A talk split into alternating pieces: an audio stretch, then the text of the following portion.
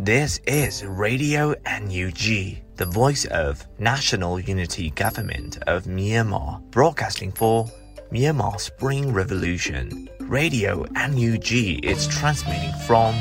shortwave 16 meter 17.79 megahertz at 8:30 a.m. and 25 meter 11.94 megahertz at 8:30 p.m. Myanmar Standard Time. မင်္ဂလာပါခင်ဗျာ အမျိုးသားညီညွတ်ရေးအစိုးရရဲ့အတန်လွင့်ဌာန Radio NUG ကိုမနက်ပိုင်း၈နာရီခွဲမှာလိုင်းတို16မီတာ7.3 MHz ညပိုင်း၈နာရီခွဲမှာလိုင်းတို25မီတာ17.6 MHz တို့မှာဓာတ်ရိုက်ဖမ်းယူနိုင်စနိုင်ပါပြီမင်္ဂလာအပေါင်းနဲ့ပြည့်စုံကြပါစေ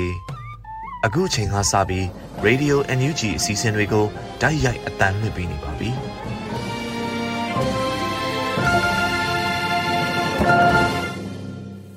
မြန်မာနိုင်ငံသူနိုင်ငံသားအပေါင်းတဘာဝပြီးစစ်အာဏာရှင်ဘေးတို့ကနေကင်းဝေးပြီးကိုစိတ်နှပါကြမ်းမှလုံခြုံကြပါစေလို့ Radio NUG အဖွဲ့သားများကဆုတောင်းမေတ္တာပို့သလာရပါတယ်ရှင်။အခုဆက်လက်ပြီးကာကွယ်ရေးဝန်ကြီးဌာနရဲ့စီရေးတရင်အချင်းချုပ်ကိုຫນွေဦးမွန်းမှတင်ဆက်ပေးမှာဖြစ်ပါတယ်ရှင်။မင်္ဂလာပါခင်ဗျာ။အမျိုးသားညီညွတ်ရေးအစိုးရ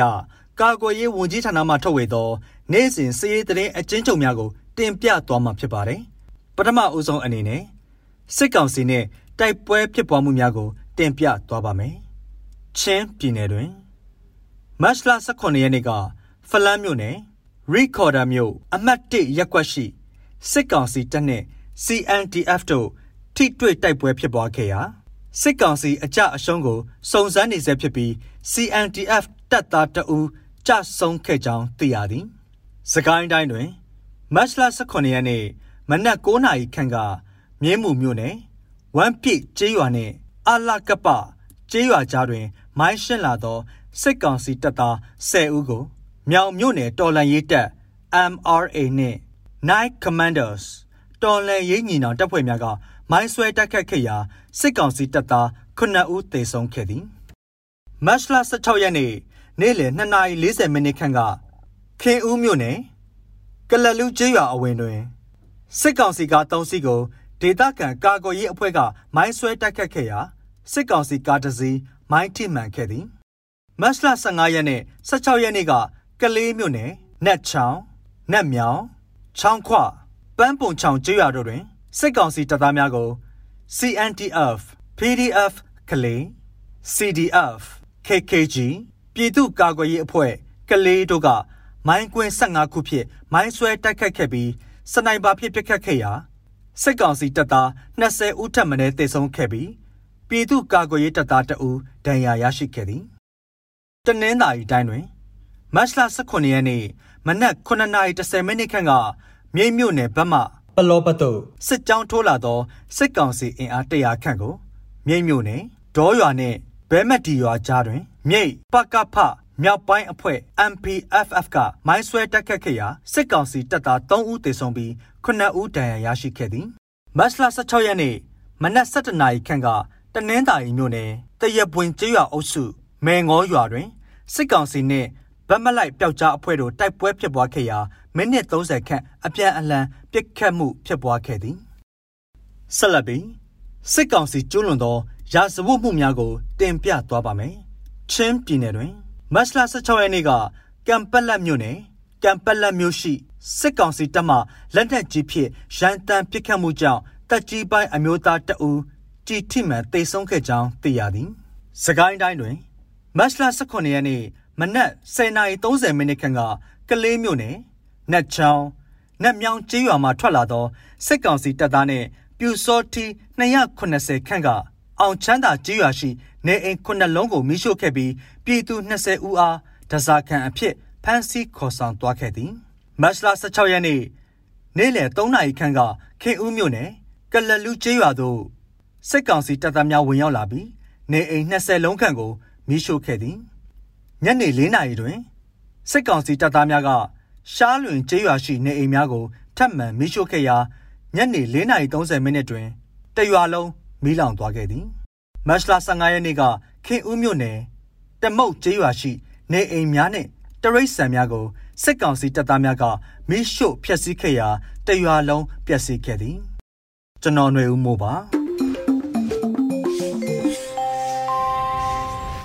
ရေဒီယို NUG မှာဆက်လက်အသံလွှင့်နေပါတယ်။အခုဆက်လက်ပြီးနောက်ဆုံးရသတင်းများကိုຫນွေဦးမိုင်မှတင်ဆက်ပေးမှာဖြစ်ပါတယ်ရှင်။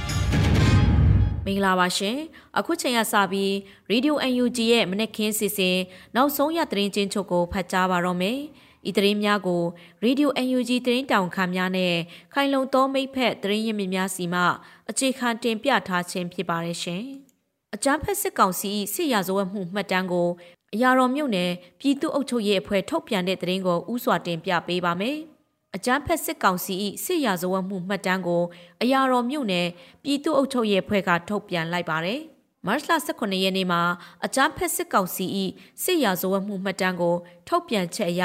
အရာတော်မြို့နယ်ညောင်ပင်ကန်ကျေးရွာမှကိုသိန်းထွန်းကိုစစ်တပ်ကနှိပ်စက်တပ်ဖြတ်ခဲ့တယ်လို့သိရရှိပါရတယ်။မတ်လ23ရက်နေ့မှာကိုသိန်းထွန်း35နှစ်ကိုနေအိမ်မှနေ၍စစ်ကောင်စီတပ်များကလာရောက်ဖမ်းဆီးခေါ်ဆောင်သွားခဲ့ပြီးမတ်လ14ရက်နေ့မှာ စခတ30တက်အတွင်းတေဆုံးသွားပြီလို့မိသားစုကိုအကြောင်းကြားခဲ့ပါတယ်။တေဆုံးသူကိုသိန်းထွန်းတွင်ရိုက်နှက်ခံရသောအညိုအမဲတန်ရများတွေ့ရပြီးအလောင်းကို နေအိမ်တုပ်ပင် ပြန်တဲခွင့်မပေးဘဲအရာတော်မြို့မှာပင်တကြိုခွင့်ပြုခဲ့တယ်လို့သိရပါတယ်။ထိုလို့ရက်ကိုအရက်သားပြည်သူများပေါ်ပြစ်မှတ်ထားတိုက်ခိုက်သော လူမဆန်တဲ့အကြမ်းဖက်စစ်ရာဇဝတ်မှုအဖြစ်အရာတော်မြို့နယ်ပြည်သူ့အုပ်ချုပ်ရေးအဖွဲ့ကမှတ်တမ်းတင်က စခတ30တက်ရင်မှုဒုဗိုလ်မှူးကြီးသိန်းထွန်းနဲ့အမိန့်ပေးသူများကိုထိလျော့ကျူးလွန်ပါဝင်သူများတာဝန်ယူအပြစ်ဒဏ်ခတ်ရမယ်လို့ထုတ်ပြန်ထားပါတယ်ရှင်။ဆက်လက်ပြီးစစ်ကောင်စီကနိုင်ငံအနှံ့နေအိမ်နဲ့အဆောက်အုံ932လုံးထက်မနည်းချိတ်ပိတ်သိမ်းစီးတဲ့သတင်းကို တင်ပြပေးပါမယ်။စစ်ကောင်စီကနိုင်ငံအနှံ့နေအိမ်နဲ့အဆောက်အုံ932လုံးထက်မနည်းချိတ်ပိတ်သိမ်းစီးခဲ့တယ်လို့သတင်းရရှိပါရယ်။ ချိတ်ပိတ်သိမ်းစီခံရမှုအများစုဟာစကိုင်းတိုင်းအတွင်းဖြစ်ပြီးတော့ရန်ကုန်နဲ့မန္တလေးတိုင်းတို့မှာဒုတိယအများဆုံးဖြစ်ပါတယ်။ ISP မြန်မာကစုစည်းထားတဲ့အချက်လက်တွေနဲ့နိုင်ငံရေးအကျဉ်းသားများကုညီဆောက်ရှောက်ရေးအသင်း AAPP ကပြုစုထားတဲ့မှတ်တမ်းအရနေအိမ်အဆောက်အုံအရေးအတွက်932လုံးထဲမနည်းကိုစစ်ကောင်စီကချိတ်ပိတ်သိမ်းဆည်းခဲ့ပါတယ်။ချိတ်ပိတ်သိမ်းဆည်းခံရမှုအများစုဟာစကိုင်းတိုင်းအတွင်းဖြစ်ပြီး135လုံးထက်မနည်းရှိခဲ့ပါတယ်။ ဒါအပြင်ရန်ကုန်တိုင်းမှာ116လုံးမန္တလေးတိုင်းမှာ85လုံး၊ဤယာဝတီတိုင်းမှာ48လုံးနဲ့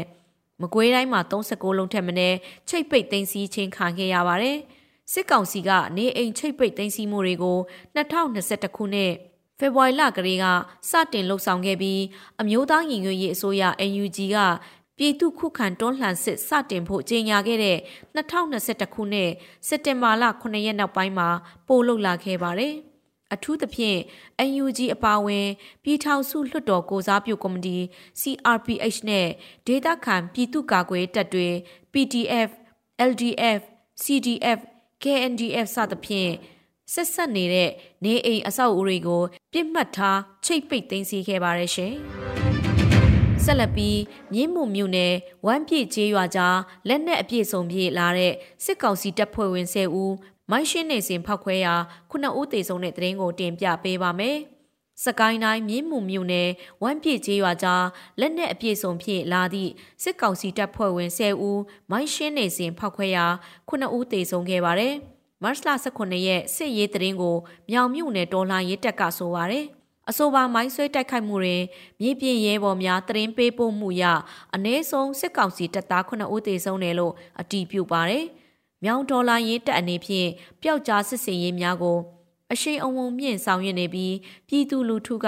အထူးဂရုစိုက်ကြရန်နှိုးဆော်တိုက်တွန်းထားပါတယ်ရှင်။ဆက်လက်ပြီးခင်အိုးမြို့နယ်မှာမတ်လတွင်စစ်ကောင်စီတပ်များမိရှုဖျက်ဆီးခဲ့မှုကြောင့်ရွာပေါင်း9ရွာမှနေအိမ်အလုံး300ကျော်မီးလောင်ပျက်စီးတဲ့တဲ့ရင်ကိုတင်ပြပေးပါမယ်။ စကိုင်းတိုင်းခင်ဦးမြို့နယ်မှာမတ်လတွင်စစ်ကောင်စီတပ်များမိရှုဖျက်ဆီးခဲ့မှုကြောင့်ရွာပေါင်း9ရွာမှ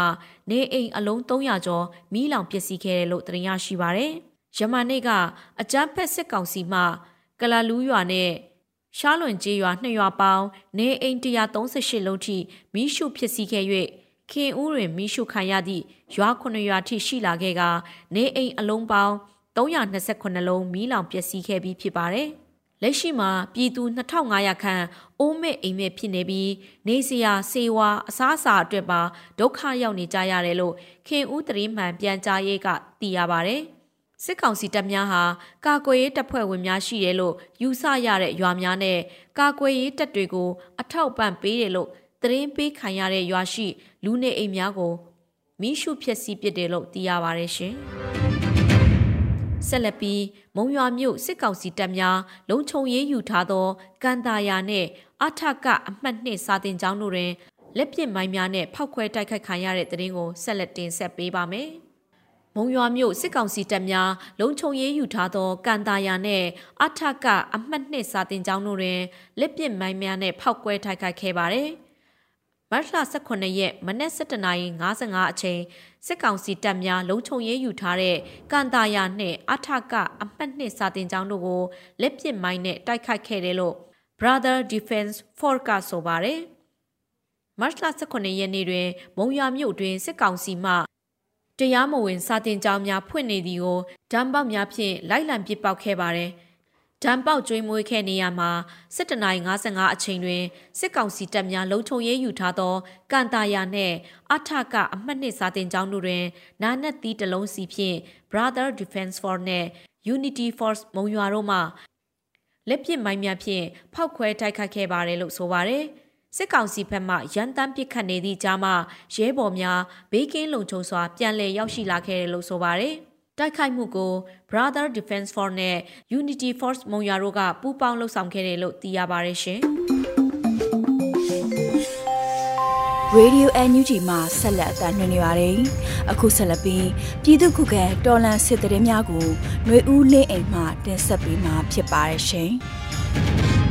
ပထမဆုံးအနေနဲ့ဒီဘဲရင်နဲ့ချောင်းဦးမှာတိုက်ပွဲများဖြစ်ပေါ်ပြီးစစ်ကောင်စီတပ်ဖွဲ့ဝင်12ဦးသေဆုံးက PDF ဘူပေါင်းတပ်များကဒီဘဲရင်မြို့ပေါ်စိုင်ပြင်ရဲစခန်းကိုလက်နက်ကြီးနဲ့ပစ်ခတ်တိုက်ခိုက်တဲ့တဲ့တင်ကိုတင်ဆက်ပေးပါမယ်။စကိုင်းတိုင်းဒီပဲရဲမြို့နယ်တွင်မတ်လ12ရက်နေ့မှမတ်လ15ရက်နေ့အထိစစ်ကောင်စီတပ်များနဲ့ PDF များအကြားတိုက်ပွဲများဖြစ်ပွားခဲ့ပြီးစစ်ကောင်စီဘက်မှ9ဦးသေဆုံးကြောင်း PDF ကလုံတပ်ဖွဲ့ကသတင်းထုတ်ပြန်ပါတယ်။ မတ်လ12ရက်နေ့နနက်9နာရီအချိန်ဒီပဲရင်မြို့နယ်အတွင်းလှည့်လည်ထိုးစစ်ဆင်ကပြည်သူများရဲ့အိုးအိမ်စီးစိမ်ကိုမိရှို့ဖြစ်စီလျက်ရှိတဲ့စစ်ကောင်စီတပ်သားများကိုတာတိုင်ရရွာနယ်တရက်တော်ရွာအကြား PDF ကမိုင်းခွဲတိုက်ခိုက်ရာစစ်ကောင်စီတပ်မှ9ဦးသေဆုံးနိုင်ကြောင်းသိရှိရပါတယ်။အလားတူမတ်လ23ရက်နေ့ညနေ3နာရီအချိန်ဒီပဲရင်ဆိုင်ပြည်မိသက်ယုံအတွင်းတက်ဆွဲထားတဲ့စစ်ကောင်စီတပ်ကိုဝင်ရောက်ပစ်ခတ်တိုက်ခိုက်ခဲ့ရာစစ်ကောင်စီတပ်ဖွဲ့ဝင်4ဦးသေဆုံးနိုင်ကြောင်းသိရှိရပါတယ်။ မတ်လ15ရက်နေ့နနက်9နာရီအချိန်တွင်ဒီပဲရင်ဆိုင်ပြင်ရဲစခန်းကိုလက်နက်ကြီးများနဲ့ပစ်ခတ်တိုက်ခိုက်ခဲ့ပြီးစစ်တပ်ဘက်မှအထိအခိုက်ဒေဆုံးမှုရှိနိုင်ကြောင်းတိုက်ခိုက်မှုများကိုရွှေဘိုခရိုင်ပြည်သူ့ကာကွယ်ရေးတပ်ဖွဲ့များနဲ့အတူပူးပေါင်းတိုက်ခိုက်ခြင်းဖြစ်ကြောင်းသိရှိရပါတယ်။မတ်လ15ရက်နေ့နေ့လယ်ပိုင်းတွင်စကိုင်းတိုင်းချောင်းဦးမြို့နယ်ရှိကင်မွန်းတော်ကျေးရွာမှပြူစောတီနှင့်စစ်သား30ခန့်ရွာပြင်ကိုထွက်လာစဉ်ချောင်းဦး PDF တပ်ခွဲတဲ့အဖွဲ့နှင့်ထိတွေ့တိုက်ပွဲဖြစ်ပွားကြောင်း စစ်ကောင်စီတပ်မမှ2ဦးသေဆုံးပြီးကင်မွန်းတော်ကျေးရွာအတွင်းကိုပြူစောတိနဲ့စစ်သားများပြန်လည်ဆုတ်ခွာသွားကြောင်းသိရှိရပါတယ်။ဆက်လက်ပြီးကရင်ပြည်နယ်တွင်ရှစ်ရက်အတွင်းဖြစ်ပွားတဲ့တိုက်ပွဲများတွင်စစ်ကောင်စီဘက်မှ25ဦးထပ်မံတေဆုံးကကရင်တပ်ဖွဲ့မှ6ဦးကြာဆုံးတဲ့တဲ့ရင်ကိုတင်ဆက်ပေးပါမယ်။အကြမ်းဖက်စစ်ကောင်စီတပ်ဟာကရင်ပြည်နယ်မှာထိုးစစ်ဆင်တိုက်ခိုက်ခြင်းများဆက်လက်ရှိနေပြီးမတ်လ9ရက်မှ16ရက်အတွင်းတိုက်ပွဲများတွင်စစ်ကောင်စီဘက်မှ25ဦးထပ်မံတေဆုံးကြောင်း ကရင်နီပူးပေါင်းတပ်ဖွဲ့ဘက်မှ6ဦးကြာဆုံးကြောင်းကရင်နီအမျိုးသားများကာကွယ်ရေးတပ် KNDF ကယနေ့သတင်းထုတ်ပြန်ပါတယ်။အကြမ်းဖက်စစ်ကောင်စီတပ်ဟာမိုးပြဲဒီမော့ဆိုလန်ရှိပူးဖာကျေးရွာကုန်းတာနဲ့ဒေါငန်ခါကျေးရွာများမှတဆင့်လွိုက်ကော်ဒီမော့ဆိုတောင်ငူလန်တိုင်းဆက်လက်ထိုးစစ်ဆင်နေကြောင်းသိရှိရပါတယ်။ မတ်လ9ရက်နေ့မှာပူးဖာကျေးရွာတွင်တက်ဆွဲထားတဲ့စစ်ကောင်စီတပ်ကိုကရင်နီပူးပေါင်းတပ်ဖွဲ့မှတိုက်ခိုက်ခဲ့ပြီးအထိနာတဲ့စစ်ကောင်စီတပ်ဟာပူးဖာကျေးရွာနဲ့ဒေးစုလဲကျေးရွာရှိနေအိမ်ဆယ်လုံးကိုမိရှို့ဖျက်ဆီးခဲ့ပါတယ်။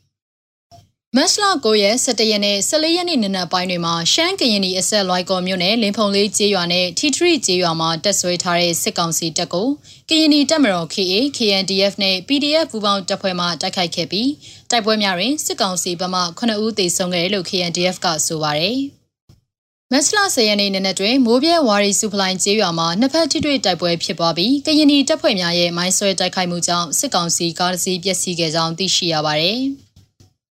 ကရင်ပြည်နယ်တွင်လွိုက်ကော်ဒီမော့ဆိုဖရူဆိုမြို့နယ်များတွင်တိုက်ပွဲများဖြစ်ပွားနေပြီးဖရူဆိုမြို့နယ်မာခရော့ရှိကျေးရွာအနီးရှိစစ်ကောင်စီခြေကုပ်စခန်းတစ်ခုကို KNDF နှင့် KA တို့ကဝင်ရောက်တိုက်ခိုက်ရာစစ်သား2ဦးသေဆုံးခဲ့ပါသေးတယ်။အကြမ်းဖက်စစ်ကောင်စီတပ်ဟာလွိုက်ကော်မြို့နယ်ပီကင်းကောခုကျေးရွာနဲ့ဒီမော့ဆိုမြို့နယ်ခောက်ဘလော့ဥခူရီကျေးရွာများရှိစာတင်ကျောင်းများဖျားကျောင်းများတွင်တက်ဆွဲကအနီးဝန်းကျင်ကျေးရွာများကိုလက်နက်ကြီးများနဲ့ရန်တမ်းပစ်ခတ်နေကြောင်း KNDF ကသတင်းထုတ်ပြန်ပါတယ်။ နောက်ဆုံးခမရ115တရင်ကို PDF များဝင်တိုက်တဲ့တဲ့မြင်းမုံနဲ့မိုးကုတ်တို့မှလည်းစစ်ကောင်စီတပ်များမိုင်းခွဲပစ်ခတ်တိုက်ခိုက်ခံရပြီးအရာရှိအပါအဝင်စစ်သား12ဦးသေဆုံးတဲ့တဲ့ရင်ကိုဆက်လက်တင်ဆက်ပေးပါမယ်။ရှမ်းပြည်နယ်နောင်ချုံမြို့နယ်ရှိချင်းမြန်တရင်115တရင်ကို PDF များကယမန်နေ့မတ်လ16ရက်နေ့ညနေပိုင်းမှာဝင်ရောက်တိုက်ခိုက်ခဲ့ကြောင်းနောင်ချုံ PDF တပ်ဖွဲ့ဝင်တအူးကပြောပါရယ်။ နောက်ချိုမျိုးရှိခမရ115တရင်အဝင်ဂိတ်ကိုမတ်လ16ရက်နေ့ည7:00နာရီခွဲအချိန်မှာ PDF များကဝင်ရောက်ပစ်ခတ်ခဲ့ကြောင်းထို့သောပစ်ခတ်မှုကြောင့်ဂိတ်ဆောင်တပ်သားတအုပ်သေဆုံးသွားပြီးအခြားတအုပ်လည်းဒဏ်ရာရရှိသွားကြောင်းအပြန်အလှန်ပစ်ခတ်မှုများဖြစ်ပွားခဲ့ပေမဲ့ PDF များအထိကိမရှိဘဲပြန်လည်ဆုတ်ခွာနိုင်ခဲ့ကြောင်းသိရှိရပါတယ်။ အလားတူယနေ့မတ်လ18ရက်နေ့နနက်9:00နာရီအချိန်စကိုင်းတိုင်းမြင်းမှုမြို့နယ်ဝမ်ပြေကျေးရွာနဲ့အလားကပကျေးရွာကြားကိုမိုင်းရှင်းလင်းရေးလာရောက်တဲ့စစ်ကောင်စီတပ်သား10ဦးကိုမြောင်မြို့နယ်တော်လန်ရေးတပ် MRA နဲ့ Night Commanders တော်လန်ရေးညီနောင်တပ်ဖွဲ့ကမိုင်းဆွဲတိုက်ခိုက်ရာစစ်သား9ဦးသေဆုံးသည်ကိုအတည်ပြုနိုင်ခဲ့ကြောင်းမြောင်မြို့နယ်တော်လန်ရေးတပ်ကသတင်းထုတ်ပြန်ပါတယ်။ ထို့ပြင်မတ်လ15ရက်နေ့မွန်လွယ်12:59မိနစ်အချိန်မန္တလေးမှမိုးကုတ်သို့တက်လာတဲ့စစ်ကောင်စီကားနှစ်စီးကိုဗဒေတာရှိထွက်မိုင်းသုံးလုံးခွဲပြီးတိုက်ခိုက်ရာအရာရှိအပါအဝင်စစ်ကောင်စီတပ်ဖွဲ့ဝင်3ဦးသေဆုံးကြောင်းဗိုလ်လင်းယုံအဖွဲ့ကသတင်းထုတ်ပြန်ပါတယ်။ နောက်ဆုံးအနေနဲ့အမျိုးသားညီညွတ်ရေးအစိုးရပြည်ထရေးနဲ့လူဝင်မှုကြီးကြပ်ရေးဝန်ကြီးဌာနက2022ခုနှစ်မတ်လ18ရက်ရက်စွဲနဲ့ထုတ်ပြန်တဲ့ပြည်သူ့ခုခံတော်လှန်စစ်တရင်အချက်လက်တွေကိုတင်ဆက်ပေးသွားမှာပါ။တရင်အချက်လက်များအရ16ရက်3လ2022ရက်နေ့မှာစစ်ကောင်စီတပ်ဖွဲ့ဝင်63ဦးသေဆုံးပြီးထိခိုက်ဒဏ်ရာရရှိသူ25ဦးအထိခုခံတိုက်ခိုက်နိုင်ခဲ့ပါတယ်။ ဆီယနာရှင်စနစ်မြမမြေပေါ်မှာအပိတိုင်ချုပ်ငြိမ်းရေးနဲ့ Federal Democracy တည်ဆောက်ရေးအတွက်ငြိမ်းချမ်းစွာဆန္ဒပြတဲ့လူလူတပိတ်တိုက်ပွဲများကပြည်내နဲ့တိုင်းဒေသကြီးများမှာဖြစ်ပွားပေါ်ပေါက်လျက်ရှိပါတယ်။မြေပြင်မှာယခုတွေ့ရတဲ့သတင်းအချက်အလက်များထက်ပို၍ဖြစ်ပွားနိုင်ပါတယ်ရှင်။ Radio NUG မှာဆက်လက်အသံလွှင့်နေပါတယ်။အခုဆက်လက်ပြီးနေ့စဉ်သတင်းများကိုမျိုးတော်တာမှတင်ဆက်ပေးမှာဖြစ်ပါတယ်ရှင်။ ပထမဆုံးတင်ဆက်ပေးမှာကတော့ပြည်ထောင်စုလွှတ်တော်ကိုစားပြုကော်မတီ CRPH နဲ့ UK လွှတ်တော်ကိုယ်စားလှယ်တွေတွေ့ဆုံဆွေးနွေးမှုတွေပြုလုပ်ခဲ့တဲ့ဆိုတဲ့သတင်းမှာ ပြည်ထောင်စုလွှတ်တော်ကိုစားပြုကော်မတီ CRPH နဲ့ UK လွှတ်တော်ကိုယ်စားလှယ်တွေအကြားတွေ့ဆုံဆွေးနွေးမှုကိုမလ16ရက်မနေ့က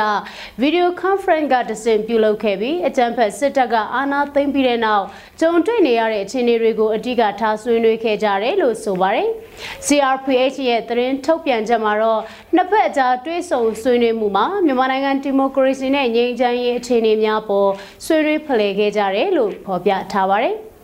တွဲဆုံဆွေးနွေးပွဲမှာမြန်မာနိုင်ငံတွင်းစစ်အာဏာသိမ်းမှုနောက်ပိုင်းကြုံတွေ့နေရတဲ့နိုင်ငံရေးနဲ့စီးပွားရေးမတည်ငြိမ်မှုတွေစစ်တပ်ရဲ့ပြည်သူတွေပေါ်မှာကျူးလွန်လျက်ရှိတဲ့အကြမ်းဖက်မှုတွေလူအခွင့်အရေးချိုးဖောက်မှုတွေနဲ့အယက်သားပြည်သူတွေပေါ်ပြစ်မှတ်ထားတိုက်ခိုက်နေမှုတွေစစ်ပေးရှောင်ပြည်သူတွေကြုံတွေ့နေရတဲ့အခက်အခဲတွေနဲ့လိုအပ်ချက်တွေလူသားချင်းစာနာထောက်ထားမှုအကူအညီတွေ COVID-19 ကာကွယ်ထိန်းချုပ်ရေးနဲ့ကုသရေးအကူအညီတွေလိုအပ်နေမှုစစ်အာဏာသိမ်းမှုကိုစန့်ကျင်ရမှာကြာကာလနိုင်ငံရေးအင်အားစုတွေရဲ့ပါဝင်မှုနဲ့အားလုံးပါဝင်တဲ့နိုင်ငံရေးဖြစ်စဉ်တွေကိုဆွေးနွေးခဲ့ကြတယ်လို့ဆိုပါတယ်။ဒါ့အပြင်အာဆီယံပါဝင်မြန်မာအိန္ဒိယနိုင်ငံဒေသတွင်ဖွံ့ဖြိုးတိုးတက်မှုတွေနဲ့စိုးရိမ်ချက်တွေ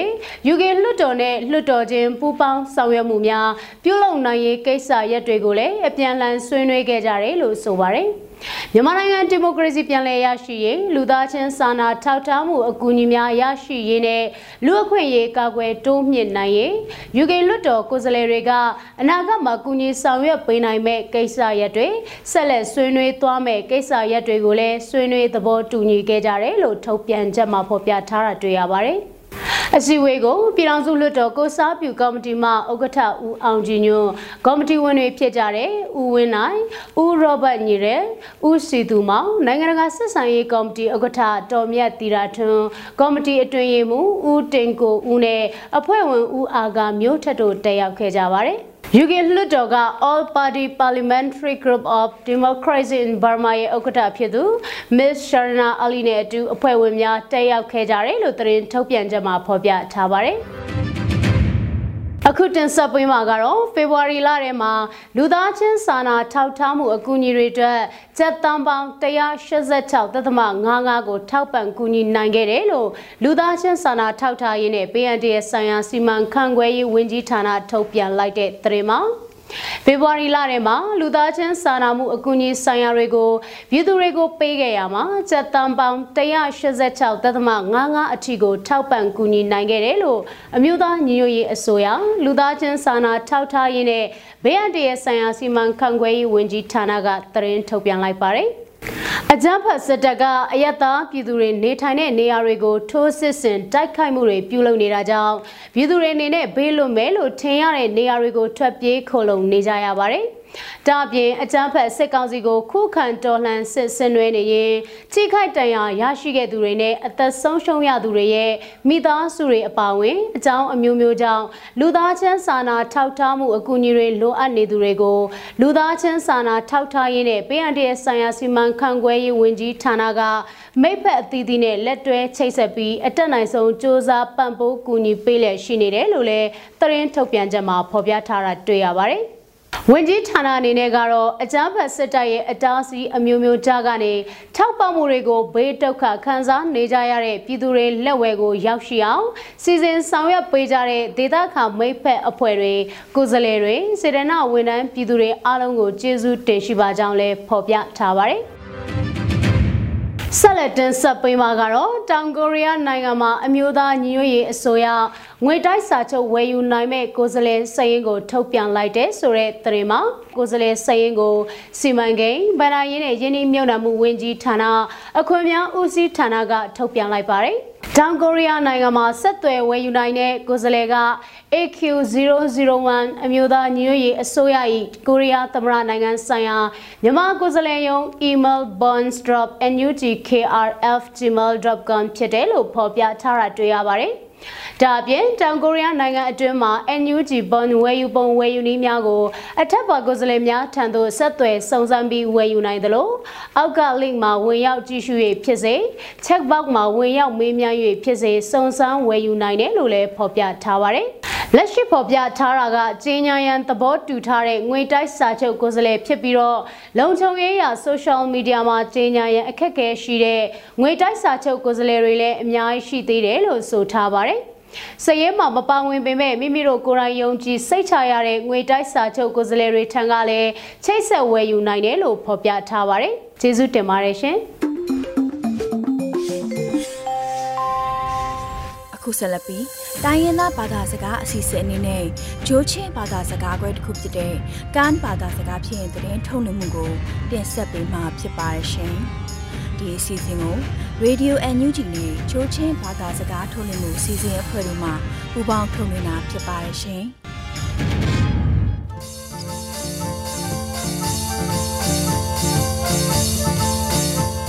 NUG Crow กางเรดิโอนำงายปุงเอน้อยไปเคยนาปุยปอสักครั้งน้ำวันนำไรบอยอตีละโครกางเรดิโอนำงายปุงอวันนำกดกันตุกคือเกคาทุทางกันแทนอวยกุยเคสาลกันคืออลัมมาซึกออยทางในทองในเซนเฮดมาร์ชเทเอิร์เนือปะกันเปลตพปุยเยกายนรายกับเทตูพระนิซีเตฟกันเปลตตันมหาธานาชุเกอมนักลาสิจองอัมโทนาเกดองะกากรุนักอนุยอมเอ็นรายกับเทปทุมเชียน CTF ตูพร้องนักออนอัมนูละทัดใบอคืออาค ากอนามาร์ชเททุมนือไปกายนเทงานนือศิลา CTF กันเปลต CTF มินดัดดูรัมชงอุปงตยุดโฟสออนโซ PTF ตูบอกอุเอ็นรายกับเทตูออนนืบทุมอัมกากรุนากะรายกับเทปันหิชินีเอ็นอเดมดาเลมบายกดีละยากลอมคือมิงตาเ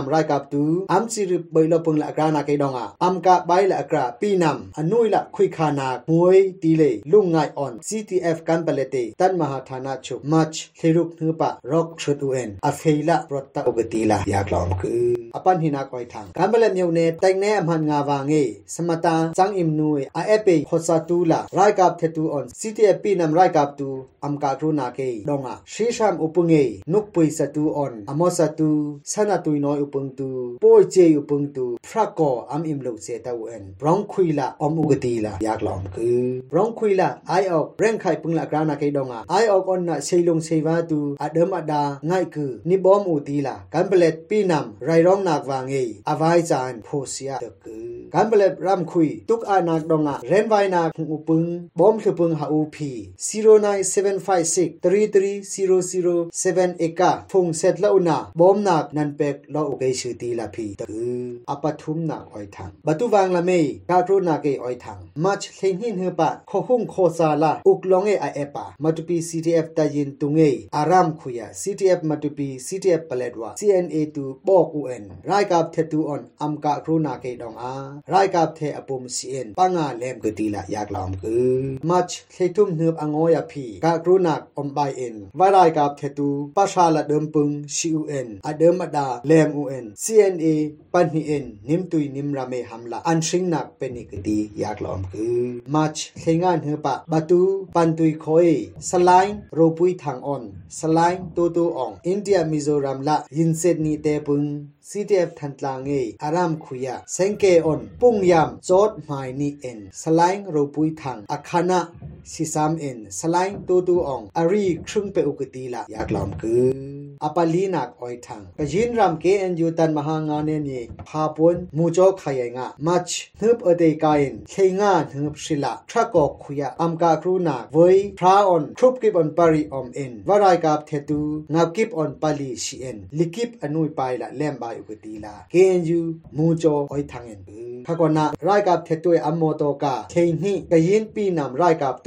เทศขาดคุ้มคีอูเอ็นเซลาปันฮีปีงอนเปกุตีลายากลอมกือ KNUA กายออมปุงเอกายินรัมหุยทันอุปง KNNA ปีนำรายกับปารีเอ็นอลูเปเอ็นเทรุกเลมกุตีลายากลอมกือวรายกับเทตุเอ็นปีนำเออิมโลตูเทศขาเตยละอัมเมงเตงนาเกดองอะปีนำอเดมดาชิกือรายกับเทตุเอ็นวันยองออนนะสัมปงเมตูออนอนุยไปละอัมกานาเกดองอะปีนำเทงาชิเอ็นปาลีเลมกุตีลายากลอมกือ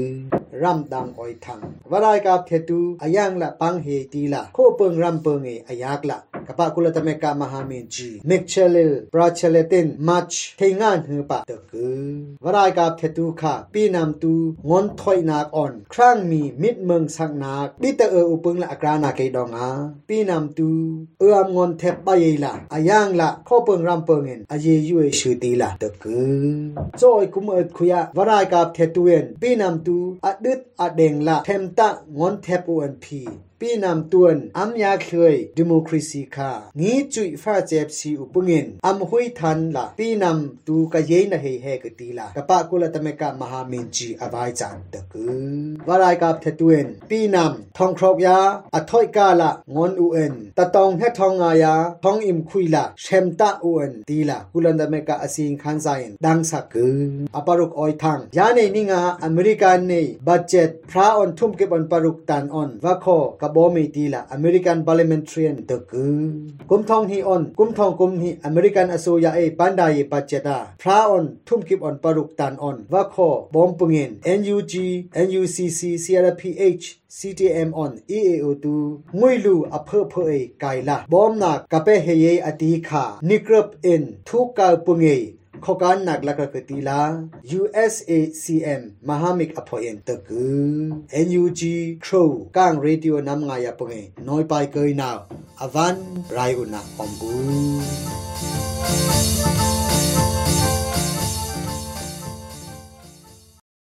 ဒီကနေ့ကတော့ဒီညနေပဲ Radio NUG ရဲ့အစည်းအဝေးကိုခਿੱတရရနိုင်ပါမယ်။ မြန်မာစံတော်ချိန်မနက်၈နာရီခွဲနဲ့ည၈နာရီခွဲအချိန်တွေမှာပြန်လည်ဆုံးဖြတ်ကြပါစို့ Radio NUG ကိုမနက်ပိုင်း၈နာရီခွဲမှာလိုင်းဒို16မီတာ7.3